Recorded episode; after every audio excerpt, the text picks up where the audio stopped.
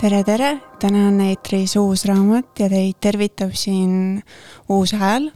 niivõrd-kuivõrd mina olen Marleen Soosaar Rahvusraamatukogust.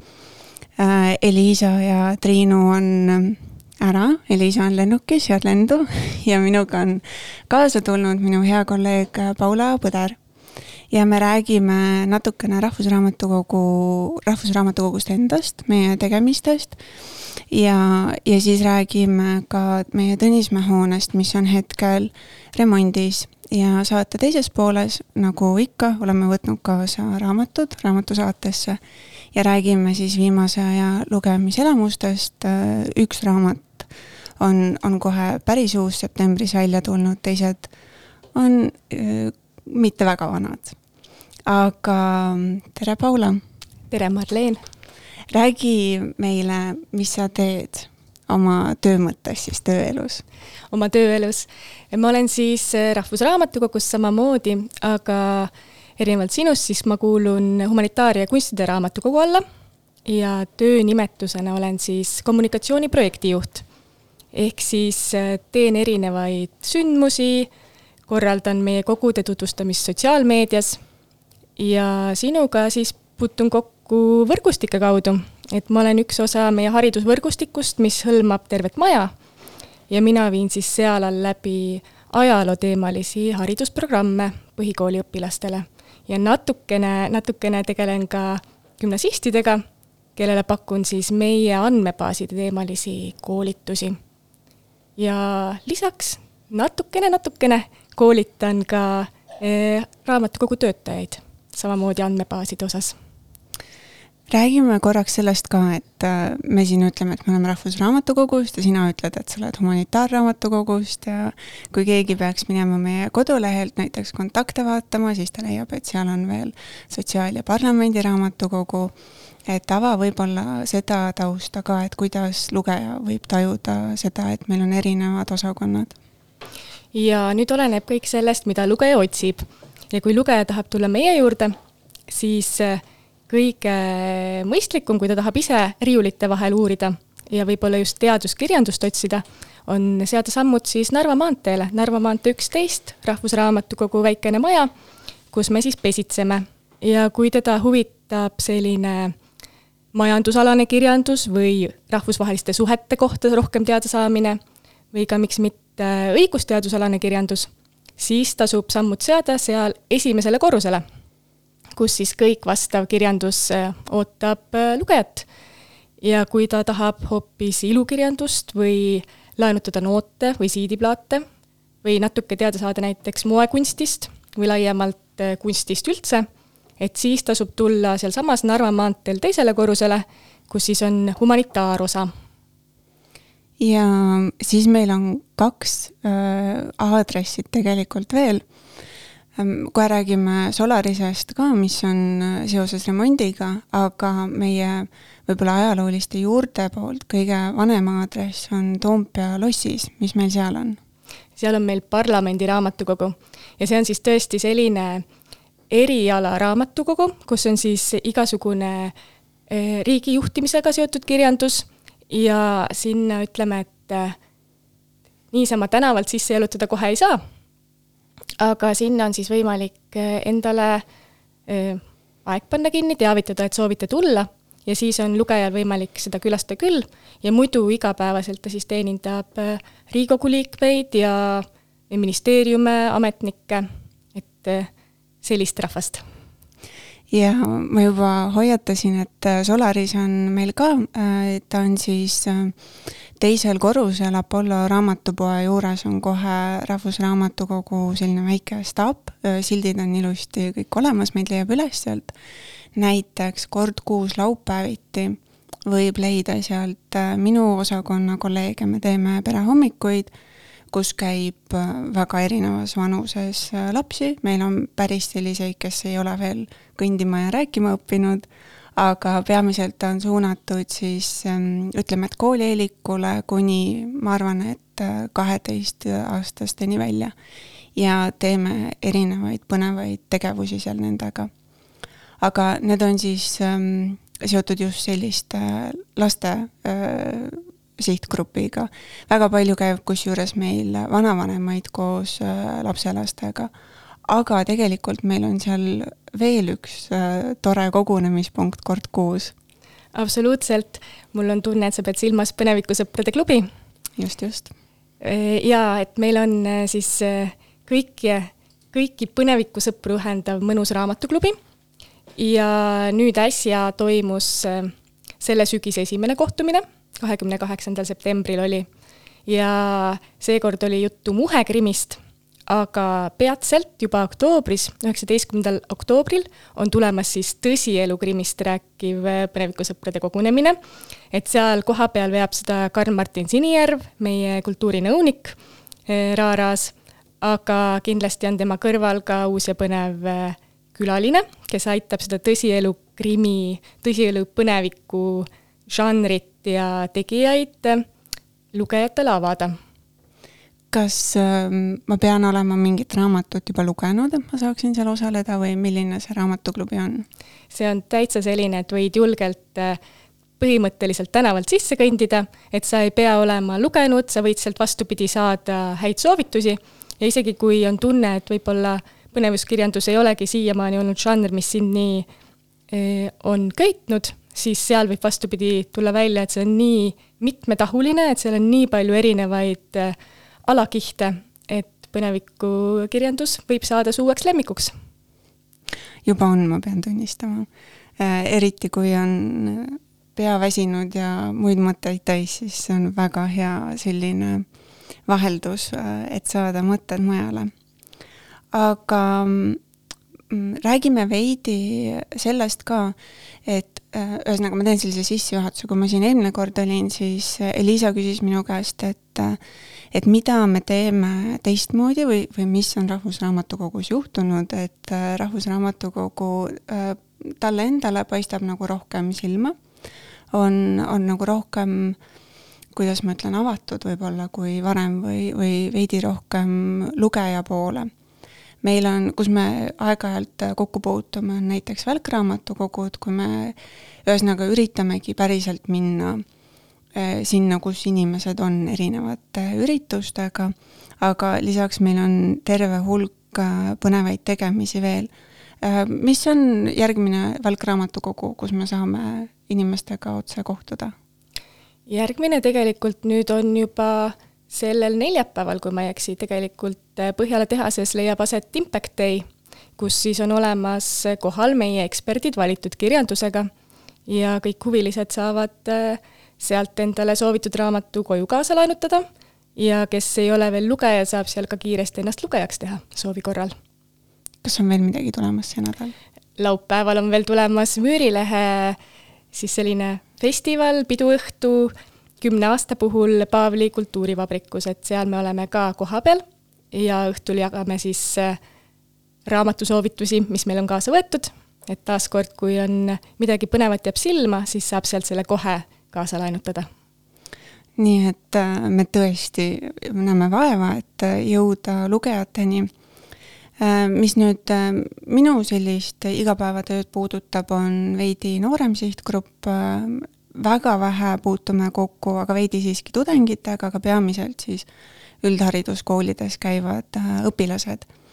ja mis on mida ma nagu kohe kutsun kõiki üles, et äh, muudkui tulge osalema. Äh, meil on väga tihe äh, sügis, me noh, niimoodi ajalooliselt juba oleme tuntud, ma ei tea, kuivõrd laiale publikule, aga me ise mõtleme, et me oleme tuntud selliste absoluutselt.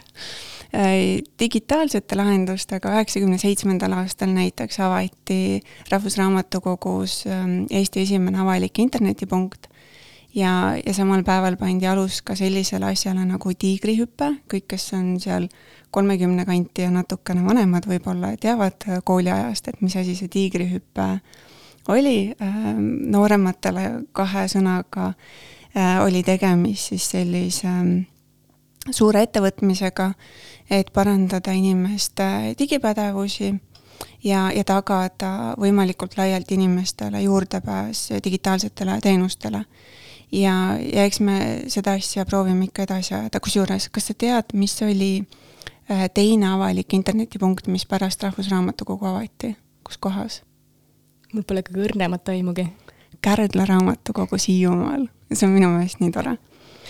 Kärdlaga kusjuures me teeme ka head koostööd, et äh, nemad on kaks aastat vedanud Hiiumaa kirjandusfestivali, kus me oleme siis ka Välku raamatukoguga käinud kohal ja pakkunud äh, oma, oma raamatuid ja oma saksakeelset kogu just, et meil on selles mõttes hästi eriline, et meil on väga tihe koostöö Eh, saksakeelsete saatkondadega ja Goethe instituudiga, tänu kellele meil on, ma julgen öelda, parim saksakeelne kogu Eestis. et meil on tõesti väga värsket ilukirjandust, aga ka teaduskirjandust. nii et äh, kellel on äh, sõpru, kes kõnelevad ainult saksa keelt ja mitte eesti keelt, siis te teate, kuhu neid saata, ma olen lihtsalt ise olnud äh, selle probleemi ees ja ma olen aru saanud, et ka paljud välismaalased, kes Eestis elavad, sooviksid kasutada raamatukogu teenuseid ja siis on natuke nagu hädas. aga digitaalsete asjade juurde korraks tagasi tulles, äh, viimasel ajal on ka meil ja laiemalt mäluasutustes teemaks ähm, tehisintellekt ja sellega seotud mured ja rõõmud ja hirmud ja, ja kõik muu taoline. ja äh, noh, sellest on olnud, ütleme, et siis erialaringkonnas täiskasvanutele juttu, aga mõtlesime kutsuda üles õpilasi tegema äh, pilte äh, siis selliste tehistoivu pildigeneraatorite abil. ja ma olen natukene vaadanud, et mida nad teevad äh, konkursi juhised on meil kodulehel olemas, mõte on siis selles, et kooliõpilased sisestavad kõigepealt äh, mõnda tõlkeprogrammi, see võib olla näiteks Google Translate või midagi taolist, äh, lõigu meie klassikast, mis kuulub ka selle niinimetatud kohustusliku, tänapäeval soovitusliku nimekirja äh, juurde, no näiteks Libahunt või, või mingi muu taoline Eesti klassika. Ja siis äh, võtavad otse äh, selle Google Translate'i teksti ja panevad selle kuskile äh, tehistaibu pildigeneraatorisse. ja sealt on väga põnevaid koletisi välja tulnud. ma arvan, et me avaldame need paremad palad ka, nii et tasub silma peal hoida, et mis sealt tuleb, aga kellel on igav, siis see on väga tore meelelahutus, mida ma igal juhul soovitan. Aga Äh, kuhu me ootame lisaks kooliõpilastele töid saatma ka täiskasvanuid, on siis meie esseevõistlus. absoluutselt. Meil on käimas ka esseevõistlus Keerame uue lehe. Kuidagi kohatu tundub kohe pärast tehisintellekti pildiprogrammisest rääkida, sest sinna me tahaksime vastupidi inimese enda kirjutatud ja kindlasti mitte tehisintellekti abil tehtud esseesid. ja see on siis kõigil alates kaheteistkümnendast eluaastast, eh, ülemist vanusepiiri meil ei ole. ja ootame siis tõesti töid, mis oleksid raamatutest, raamatukogudest, lugemisest. et eh, pange oma parimad, parimad mõtted kirja ja meie loeme kõik ausalt läbi ja hindame kõige paremaid ka ja kes on natuke kimpus, et essee kirjutamine ei tule väga hästi välja, aga näiteks koolis või ülikoolis peab, siis meil on vist üks töötuba ka tulemas peagi. jaa, meil on nüüd kahekümne neljandal oktoobril Daniel Tamme poolt äh, veetav töötuba, mis aitabki siis teha esimesi samme esseistikas ja kui ma ei eksi, siis just täna läks ka sinna registreerimine lahti, et seda saab meie kodulehe kaudu teha ja see on üks asi, mida ma väga soojalt soovitan, sest et ma mäletan tudengipõlvest seda häda ja viletsust nende esseedega. minagi, minagi mäletan ja just sellepärast saigi see eh, töötuba ellu kutsutud ma arvan, et äh, see on päris tore, et me räägime niimoodi segamini, ma ei tea, tehisintellektist ja siis inimese kirjutatud tekstist, et äh, eks me asutusena otsime ka seda tasakaalu, et ühelt poolt äh, pakkuda digitaalseid teenuseid nii hästi kui võimalik meie lugejatele ja, ja teiselt poolt pakkuda ka sellist, no kuidas ma ütlen, heas mõttes vanakooli raamatukogu kogemust. Et kus saab ähm, äh, raamatuid laenutada ja lugeda ja, ja mingeid äh, kogukonna ettevõtmiseid äh, teha ähm,. kirjanike osas ma tean, et meil käivad äh, kirjanikud regulaarselt külas ja nüüd kas oktoobris või novembris on meil tulemas? oktoobris ja tegelikult juba kohe järgmisel nädalal, kaheteistkümnendal oktoobril tulevad meile tõesti võimsad külalised Maarja Kangro ja siis Sven Mikser, ehk siis üks väga juba staažikas kirjanik, auhinnatud kirjanik ja teine kirjanik siis, kes tänavu sai oma esimese, aga väga uhke preemia eh, Kirjanike Liidu romaanivõistlusel. Eh, nii et järgmisel neljapäeval kell kuus tasub sammud seada Rahvusraamatukogu väikesesse majja, sest sinna, sinna nad tulevad ja seal nad räägivad ma mäletan, kui ma lugesin ERR-is seda uudist, kui need auhinnad välja kuulutati. lõi pahviks ja ma lugesin paar korda ja mõtlesin, et kas ma saan ikka õigesti aru.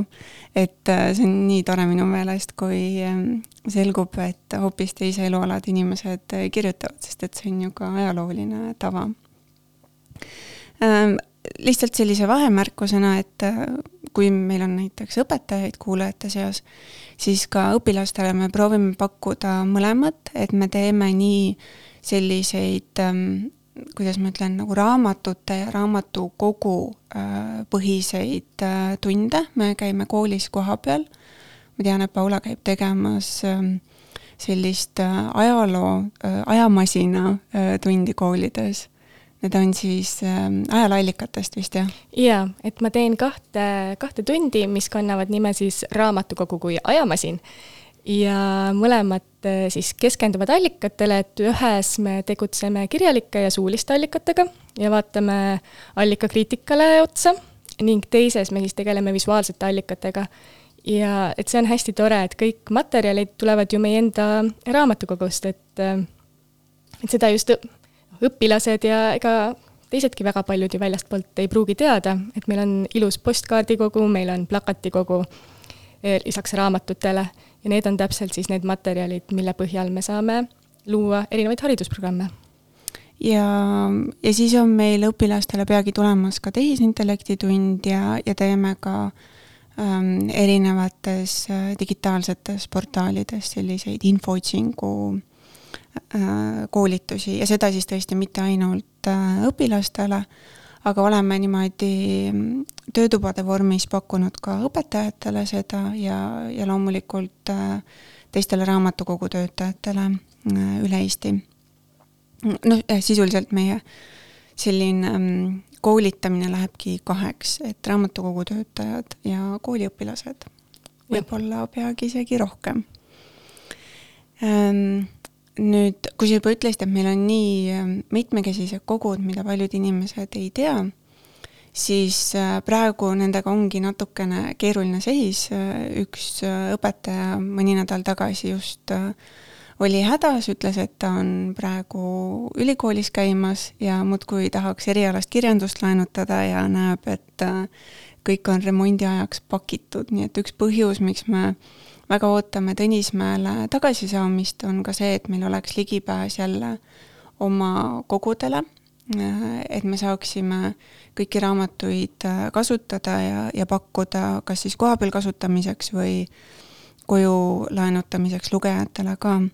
Tõnismäele me loodame tagasi jõuda ja lugejatele ennast avada kahe tuhande kahekümne kuuendal aastal, see on kogu aeg mulle tundunud nagu väga kauge aeg, aga nüüd me mõtleme ju, et see on noh. peaaegu kohe.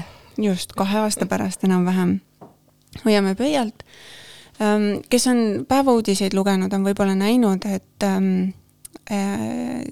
remont on läinud kogu aeg kulukamaks äh,, mille siis tingib asjaolu, et ehituskvaliteediga äh, on nagu on, see maja äh, avati üheksakümne kolmandal aastal, aga seda hakati ehitama juba kaheksakümnendate lõpus ja tegelikult unistused ja esimesed visandid pärinevad täitsa Eesti ajast.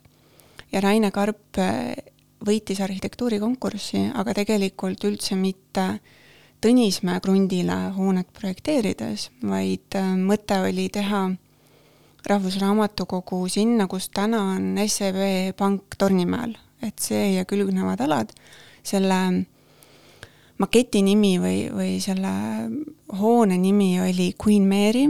ma väga soovitan, näiteks Arhitektuurimuuseumis on olemas, saab näha neid väikseid makette. väga võimas hoone oleks seegi olnud, aga ega Tõnismäe hoone on ju ka võimas vaatepilt. ja mida me sinna proovime juurde pakkuda või, või tuua rohkem, on avatus ja ja valgus ja ligipääsetavus, meil on terrassid, mis on kolmsada kuuskümmend kraadi ümber maja ja me loodame need avada siis kõikidele inimestele, kogu linnarahvale Äh, kui me ise oleme niimoodi remondi ajal käinud seal vaatamas enda tulevasi tööruume, siis mind näiteks väga üllatas selle hoone kõrgus. kuidagi nagu linnaruumis liikudes ei saa aru, kui kõrge see hoone on, aga tõesti, vaade on merele ja vanalinnale väga uhke. oled sa ka juba käinud? ma käisin, aga ma käisin äh, suve alguses, nii et ma kujutan ette, et praeguseks hetkeks on seal veel väga palju muutunud sest minu kõige selline eredam mälestus on lihtsalt see fuajee, mis oli täis tellinguid, et see mõjus ulmeliselt. ja tellinguid on natuke vähemaks jäänud ja meie must lagi on saanud valgeks. lõpuks ometi. lõpuks ometi. Ehm, mis äh, veel äh, Tõnismäe hoone puhul on oluline või ma arvan, et meie puhul laiemalt, on ligipääsetavus, aasta algusest oleme me siis äh, Pimedate Raamatukoguga üks Pimedate Raamatukogu täna on Suur-Sõjamäel üsna keeruliselt ligipääsetav asukoht ja ega see hoone ei ole ka otseselt noh, mõeldud selleks, et et vaegnägijad või pimedad saaksid seal mugavalt liikuma.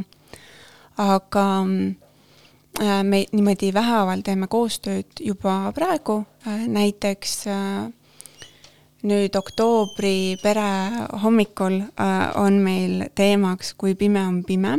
Äh, ja me räägime siis nägemismeelest äh, laiemalt ja, ja kuidas on erinev erinevate inimeste puhul, aga ka sellest, et on pime aeg ja hingede aeg ja, või noh, Halloweeni aeg, kuidas kellelegi.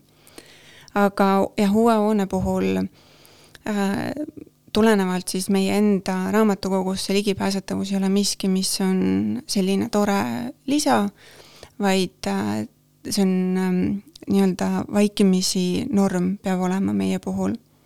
ja noh, ideaalis võiksid ju avalikud hooned kõik äh, sinnapoole liikuda ühel hetkel. aga mis meil veel äh, on siis laialt kättesaadav, on meie Fanoteek, meil on väga suur Äh, hulk muusikat äh, raamatukogus. absoluutselt, kuigi ka sellest äh, hetkel enamus on pakitud. aga natukene saab ka Narva maanteelt kätte. et meil on Narva maanteele minnes võimalik laenutada CD-sid ja ka kohapeal on kuulamiskoht, nii et kohapeal saab ka kõrvaklapid pähe panna ja natukene muusikat nautida, kui kodus enam CD-mängijat ei juhtu olema. Ja äh, siis äh, Tõnismäe hoone vaates äh, me planeerime äh, ülemistele korrustele ühelt poolt sellist muusika tegemise varianti, stuudioruumi, kus saab salvestada, kus oleks siis äh võimalik äh, igasugust erinevat tehnikat äh, kasutada ja, ja tõenäoliselt ka äh, pille. ja lisaks siis selline kuidas ma ütlen, kontserdisaal või, või selline mõnusam äh, muusika kuulamise pesa, kus saab äh, kontserteid äh, korraldada. nii et äh, muusika loodetavasti äh, tuleb võimsamalt tagasi meile.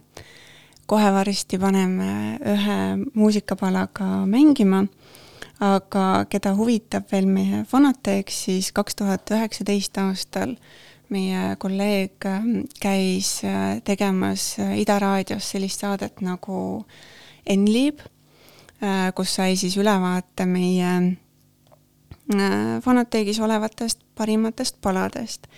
ja ma natukene sirvisin ja sorteerisin, et mis seal siis on ja ma leidsin äh, enda rõõmuks siis üheksateistkümnenda aasta septembrist äh, sellise loo nagu Dreamboy, äh, mis on plaadilt Maskeraat ja Marju Kuut, siis hakkab teile kohe seda lugu laulma.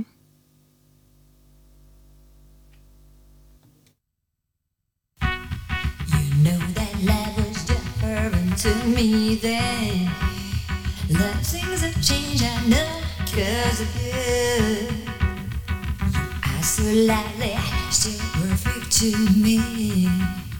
I love you so much, I will do. You, you mean so much to me. I saw someday we'll be just together.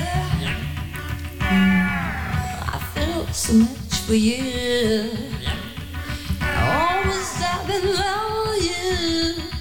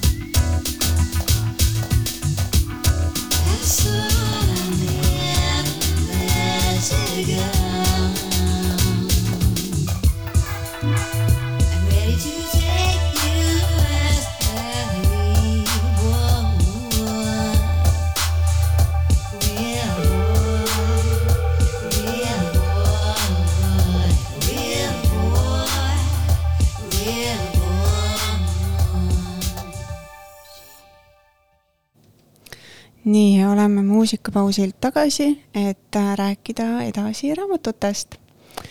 Ähm, meil on, me ütleme pealkirjad ka, äh, kolm raamatut näeb pildi pealt ka, mis äh, sotsiaalmeedias, Instagramis on, aga Paula, alusta, räägi, mis sul kaasas on. ma räägin sellest, mida mul kaasas ei ole esimesena, et ähm, ma lugesin Etaf Rumi, e, siis Naine pole mees, ma loodan, et ma hääldasin autori nime õigesti, ma vaatasin, et ingliskeelses meedias on küll öeldud ka ITAF, aga lähtusin eesti keele hääldusest. ja tegu on ähm, erakordselt, ma ütleksin, raske lugemisega ja erakordselt põneva lugemisega. et mina neelasin seda raamatut.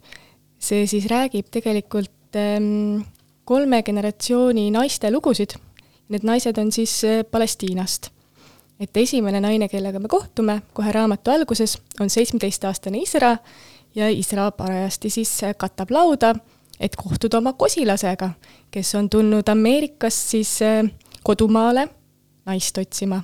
kui Isra on äh, seitsmeteistaastane, siis mees kolmekümnendates, Adam, elab Brooklynis ja perekond valibki Isra talle siis äh, naiseks välja ja Palestiina tüdruk kolib Brooklynisse elama aasta on tuhat üheksasada üheksakümmend sel hetkel. järgmisena kohtame me nende tütart, nende vanimat tütart Teiat, aasta on kaks tuhat kaheksa, tema elab ja kasvab Brooklynis. Ja kuna ta on saanud kaheksateistaastaseks, siis äh, ootab ka teda selline abieluranda sõudmine, kuigi tema enda unistus ja soov on lõpetada kool ja minna ülikooli, et tema tahaks äh, saada haridust, äh, teha oma valikuid ise.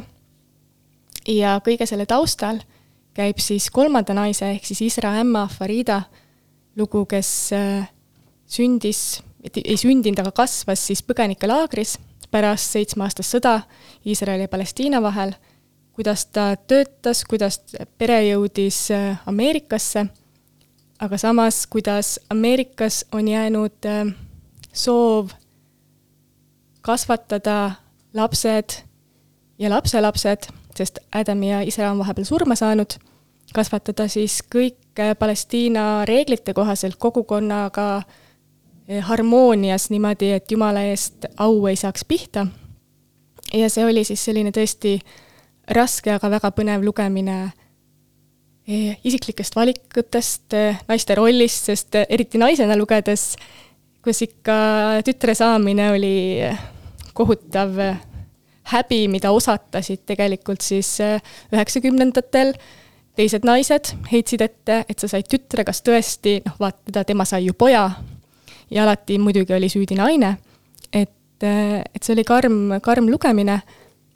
Ja tegi tõesti väga tänulikuks, et äh, kus ma olen sündinud, sest et autor ise on ka Palestiina päritolu ameeriklanna, nii et ilmselt ta teab, millest ta kirjutab mul oli ka üks selline raamat, mille puhul ma mõtlesin, et küll mul on hästi läinud. selline mm, geneetiline loterii, on ju, et kuhu maailmapunkti, kelleks ma sünnin. aga Sharnush Barsipuri raamat Meesteta naised on, ta on kirjutatud esimeses versioonis tuhande üheksasaja seitsmekümne kaheksandal aastal juba ja lõplik versioon ilmus äh, üksteist aastat hiljem. aga minu meelest on väga tore, et äh, Rahvaraamatu kirjastuse alt on nüüd ähm, viimast, viimase paari aasta jooksul välja antud äh, keelatud kirjandust. ehk siis Meesteta naised või, või laiemalt kõik, mida Barsipur on kirjutanud, on tema kodumaal Iraanis keelatud ja kui ma seda raamatut äh, Meesteta naised lugesin, siis mul tegelikult oli natukene nagu raske aru saada ähm, sellise ähm, vabas Eestis sündinud ja elanud äh, noore inimesena, et, et miks see raamat Iraanis keelatud on.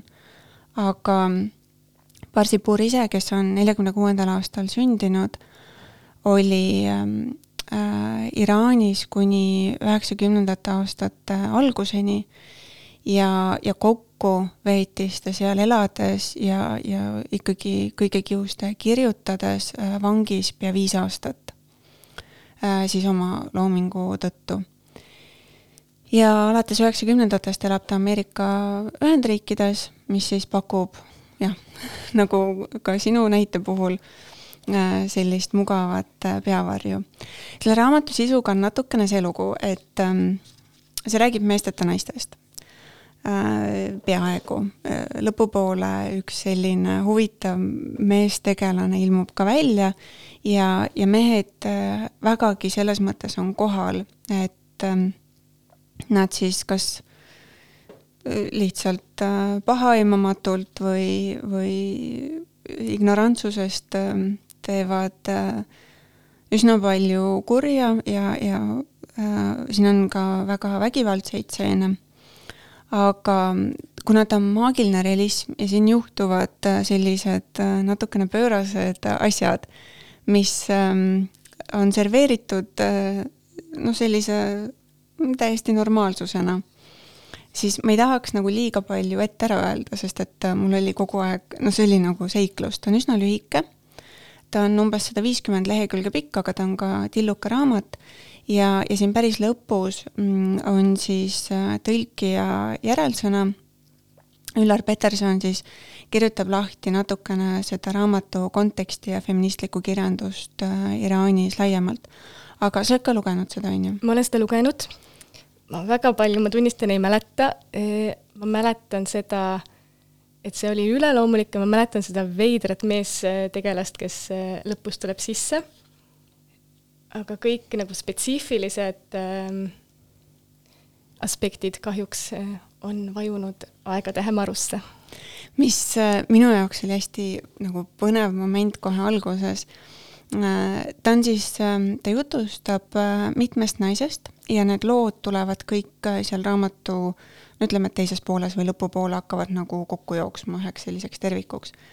aga siin oli üks ähm, tegelane, kelle, kes oli hästi ümmarguse näoga ta oli hirmsasti hädas sellega, sest et noh, esiteks ta Iraani naine, kes ei olnud abielus, et äh, see oli nagu kehv variant. ja teiseks oma ümmarguse näo tõttu äh, teda peeti rumalaks inimeseks. ja temaga juhtub midagi, mis on umbes nagu ärasuremine ja uuesti siis elule ärkamine sellise zombi sugemetega. ja üks väga lahe võime, mis ta saab, mida ta hiljem kogu aeg nagu rõhutab, et mis on tema selline eriline supervõime, on see, et ta saab venitada oma nägu piklikuks. et rõhutada seda, et ta ei ole, et ta on ikkagi intelligentne inimene, ühesõnaga ma väga soovitan seda ja ähm, ta on selline istud nädalavahetusel maha ja, ja loed ta ühe hooga ja, ja sellised veidi nagu Ameerika mäed, ma ütleks. ma arvan, et see sobiks väga hästi sinna kõrvale võtta see Naine pole mees, et seal on, kohes on nagu seda maagilist realismi, siis teises on liigagi palju realismi ilmselt et äh, aga see võiks olla ka kokku väga huvitav kombinatsioon. igal juhul, mis sul veel on ma lähen väga sarnases joones edasi. Ma tunnistan ise, et Araabia kultuurid ja Araabia riigid on üks minu enda äh, nõrkusi ja huviobjekte, nii et mina võtsin kaasa teiseks siis graafilise eh, romaani. Eh, Tuleviku araablane Riyad Satufilt. Ja sellega on tegelikult see tore asi, et eh, kuigi ma lapsepõlves muidugi ahmisin sisse Mikki Hiire koomikseid, siis tegelikult täiskasvanuna ma ei ole eriti graafilisi novelle, romaane lube, lugenud, aga see jäi mulle silma Karm-Martin Sinijärve raamatusoovitustest, sest tema igal nädalal soovitab sellist uut kirjandust ja mõtlesin, et ma ei saa sellist eh, pala lasta kuidagi endast mööda. Ja esimene osa siis, eh, kokku on kuus osa selles koomiksi kogus, esimene osa on eesti keeles ja esimeses osas siis ta räägib oma lapsepõlvest, tegu on siis autobiograafilise, graafilise novelliga ja ta, eh, ta on selles mõttes huvitav, et ta sünnib Prantsusmaal, tema ema on prantslanna, tema isa on süürlane ja isa siis töö tõttu, nad äh, reisivad perega, kui ta on laps, Liibüasse ja naasevad hetkeks äh, siis tagasi Prantsusmaale ja lähevad edasi Süüriasse. ja see on äh, antud edasi sellise lapse pilgu läbi ja ma ütleksin, et erakordselt edukalt, et, et kõik, mis on ka nagu muserdav või noh, mida täiskasvanuna oleks sinu jaoks maailma lõpp, et äh, näiteks äh, kui nad Liibüas olid, ma õigesti mäletan, et äh, nad viidi maja juurde, majas oli väljas tabalukk, äh, see tehti neile ekstra lahti, rohkem väljaspool majas lukku ei olnud, oli ainult sees äh, riiv. aga terve pere pani asjad sisse ja läks ümbruskonda siis jalutama aga seal oli ära kaotatud eraomand ja kui nad tagasi tulid, siis keegi oli leidnud lahtise uksega maja, tõstnud nende asjad äh, ukse taha ja öelnud, et see kuulub nüüd mulle. et äh, lubati ju, et äh, kui ma leian tühja maja, siis ma võin sisse kolida.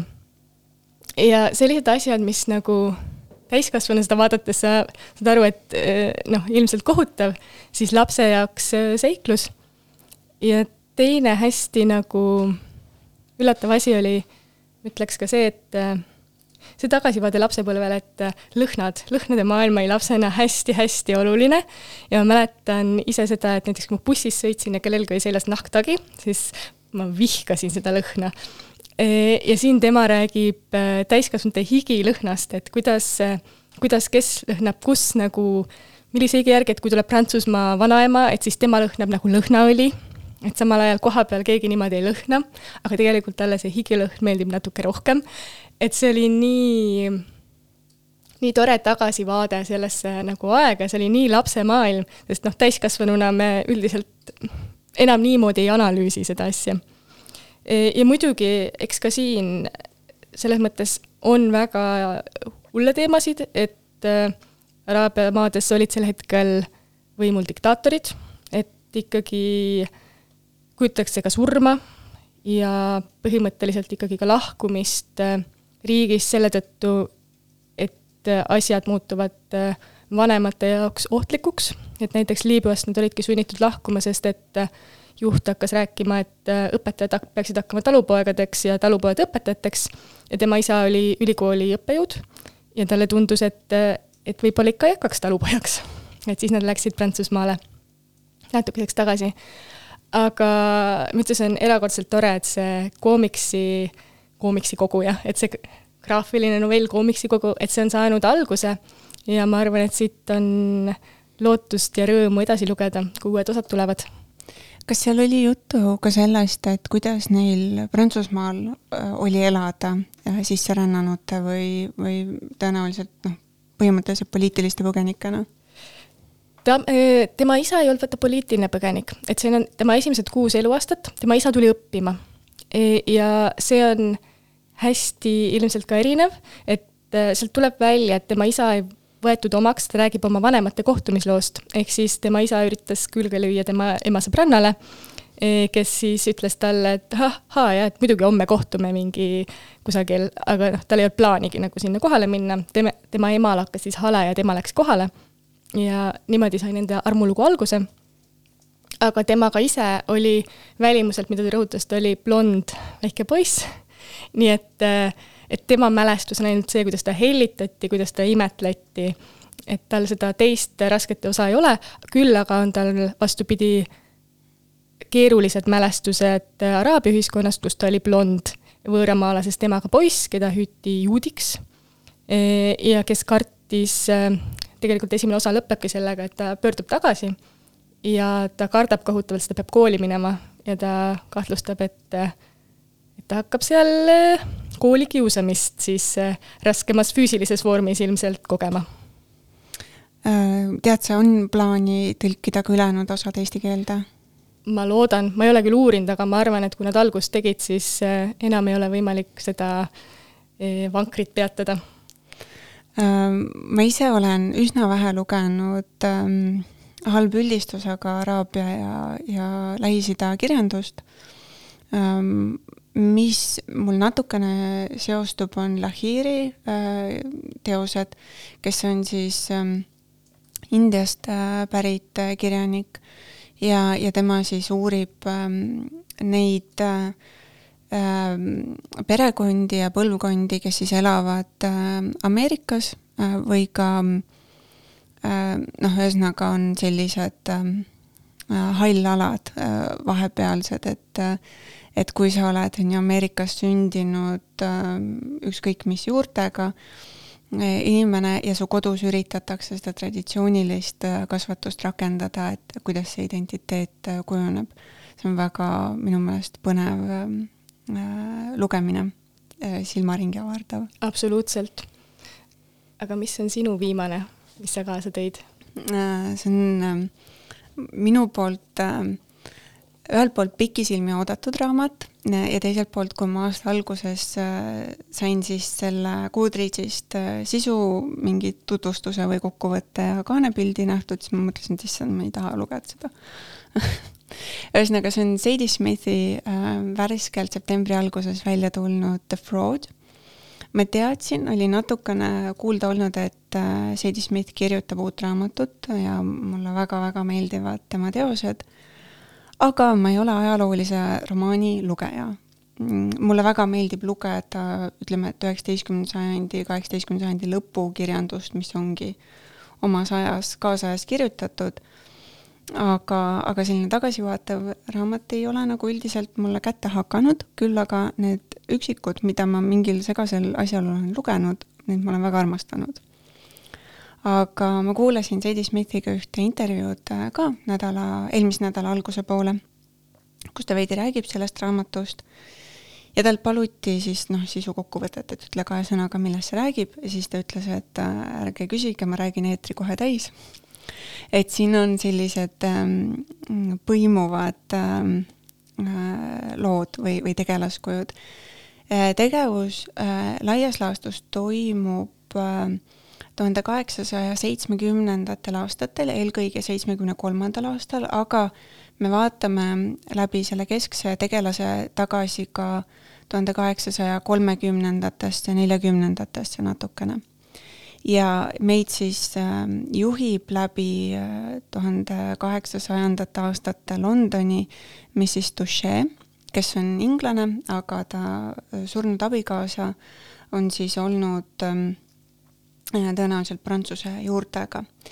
ja Mrs Touche on väga põnev tegelaskuju viktoriaanlikul Inglismaal kui ta mees suri, siis ta jäi üsna kehva olukorda, pigem nagu vaesus, sest et nende, ta mehe perekonna varandus äh, tuli siis äh, ähm, orjapidamisest. ma nüüd päris täpselt ei mäleta, mm, minu meelest see oli, see oli kas suhkru rohistandus või puuvill, üks kahest, aga kuna esiisad olid kehvasti majandanud, siis see rikkus olevat otsa saanud ja nagu sellel ajal ikka, ähm, üksiku naisena, mis sa muud teed, kui otsid endale järgmise ähm, mehe või mõne meessugulase, kes pakub sulle ulualust ja hoolt ja, ja lubab, võimaldab sul natukenegi vabamalt ringi käimist, kas või näiteks linnas.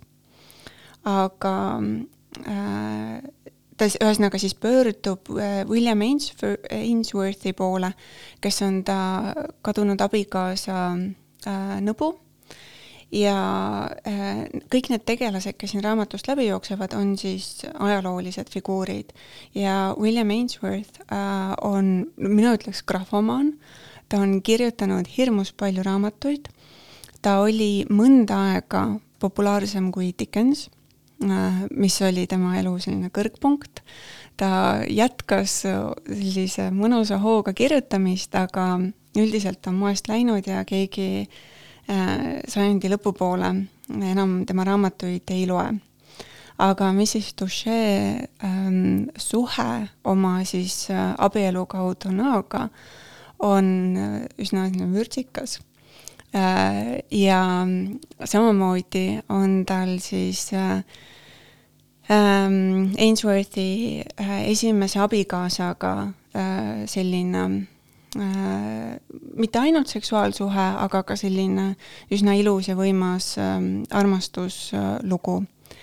Nad nagu kolmekesi kõik kokku ei saa, aga mida äh, Sadie Smith tõi välja, on siis see, et Ainsworth ise olevat kirjutanud äh, väga palju oma raamatutes äh, tegelasi, kes väga sarnanevad talle, ta abikaasale ja Mrs Duche'le aga kuna sellist asja nagu alateadvus ei olnud sellel hetkel veel olemas, siis keegi ei mõelnud sellest mitte midagi, see oli lihtsalt kirjandus ja väljamõeldis aga Sadie Smith ise ütles nii toredasti, et teda hirmsasti huvitab äh, inglaste seksuaalelu, eriti viktoriaanlikul äh, Inglismaal, kus kõik olid nii kombekad ja viisakad ähm,. aga ühesõnaga, Mrs Touche on selles suhtes väga lahe tegelane, et ta on ähm, ta on iseseisev naine, kes tahaks emantsipeeruda, käia vabalt ringi ja ta lihtsalt tunneb seda, et äh, Äh, oma siis nõo juures elades, Ainsworthi juures elades, ta muudkui kuuleb nendest meestest, kes käivad ja reisivad ja näevad neid ähm, äh, koloniseeritud äh, piirkondi kui sellist mõnusat eksootikat, kus seigelda, et, tunneb seda valu ja teadmist, et tema kunagi ei pääse sinna.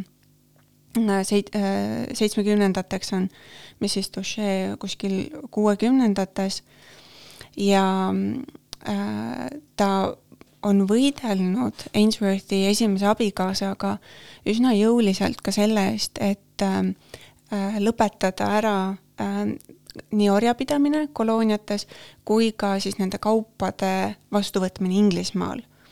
et kui rassismist rääkida, siis mida Sadie Smith ise on ka öelnud, et inglased nagu salgavad maha selle, kuna nendel erinevalt ameeriklastest justkui ei ole olnud orjapidamist aga seda raamatut kirjutades Smith ütles, et, et näiteks tema jaoks oli uudis, et Manchester ühel hetkel keeldus äh, puuvilla vastuvõtmisest ja Manchester ei olnud väga võimas ja rikka elanikkonnaga linn. nii et äh, noh, sellist äh, väikest lootuskiirt on ju, inspiratsiooni tänasesse päeva. Aga mis on hästi põnev, mis siis, mis siis Touche tähelepanu köidab ja haarab, on siis äh, äh, selline kohtusaaga mis leiab aset äh, Inglismaal ja paelub kõikide tähelepanu, kus siis on ühe laevahukus äh, surma saanud aristokraadi Roger Tishburne'i ähm, äh, ütleme, et siis selline kehastaja välja ilmunud äh, üks mees, kes ei ole absoluutselt Sir Rogeriga sarnane, äh, hüppab Austraaliast äh, paadi peale, seilab Inglismaale ja ütleb, et mina olen Sir Roger ja et minul on õigus kogu sellele varandusele. see kohtusaaga kestis aasta aega või isegi natuke rohkem terve rida oli tunnistajaid ja, ja see oli selline nagu noh, väga huvitav olukord, et äh, väga suur osa töölisklassist, aga ka haritlaskonnast oli mingil põhjusel veendunud, et tegemist ikkagi on Sir Rogeriga. ja, ja peamiselt siis, milles see asi oli, et miks inimesed tema poolt olid ähm,. Claimant on siis see, kuidas teda hakati ähm, kutsuma äh, Briti avalikkuses, oli seetõttu, et ähm, õigusloomes olid augud sees ja advokaadid käisid lihtsalt mingit mula ajamas kohtusaalis. ja otsustati kõhutunde järgi, et siis põhimõtteliselt inimesed lihtsalt juhtisid oma tähelepanu sellele. ja seal siis võtmetunnistaja on Andrew Bogle, kes on siis ähm, Jamaikalt äh, pärit mustanahaline mees ähm,, Äh, istanduses äh, elanud ja, ja siis olnud oma äh, inglastest ähm, põhimõtteliselt omanikega kontaktis ja tema siis väidab ka mingil põhjusel, et tegemist ikkagi on Sir Rogeriga. ja siis see raamat on sellepärast ka tore, et siin on neid nagu kohtu selliseid transkriptsioone kirjas ja, ja ajalehe väljalõikeid ja mida mina, mul on veel pooleli, ma ei ole lõpuni jõudnud, mida mina hakkasin otsima, on naiskirjanikud, kuna siin on nii palju kirjanikest juttu, siis ma otsisin kohe, mõtlesin, et noh, et kus Bronte ta on. õdesid Brontesid ei ole veel seni välja ilmunud, küll aga on vihje, ma arvan, et George Eliotile mm,, ilmselt Middlemarchile ja Mary Shelley on ära mainitud, William Ainsworth ütleb, et äh, see Elioti tegelane on mingi väga kahtlane naine aga vot see äh, Shelley oli ikka võimas naine. Äh, aga kuna tegu on ajaloolise äh, romaaniga ja ajalool põhineva, kas sa tead ka, et kas äh,, sest ajaloolasena ma ei saa, mind kohe läheb äh,, kõrvad lähevad kikki, et kas äh, kas Sadie Smith sai ka näiteks mingi kirjavahetuse või millegi sellise pealt ma ei ole kindel, sest et ta ütles küll, et ta väga pikalt kirjutas seda raamatut ja tegi uurimistööd. ma eeldan, et arhiiviallikatega ka, aga ma ei oska öelda, et, et mis tal täpsemalt käes olid.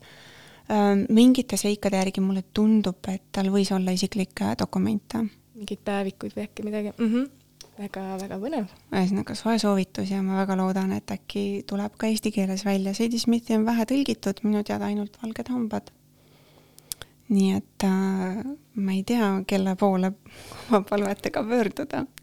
siin välja hüüda. jah, aga mm, hakkame meie vaikselt otsi kokku tõmbama äh,. mina omalt poolt äh, kutsun teid Puändi lugemisklubisse juba nädala pärast, üheksandal oktoobril ja lugemiseks on siis ähm, äh, poolkollast äh, päikest. saate meilt ka Rahvusraamatukogus on täitsa laenutamiseks olemas nii eesti kui ingliskeelne. kuhu sina kutsud kõiki kuulajaid? mina kutsun mõni päev hiljem äh, Narva maanteele, kus on siis Maarja Kangro ja Sven Mikser kaheteistkümnendal oktoobril kell kuus nii et järgmiseks nädalas, järgmiseks nädalaks kalendrisse kirja. ma jätan uue plaadi ootuses lõpetama Eigi ähm, uduvaibalt, sõnadeta uduvaibalt äh, Pala vaata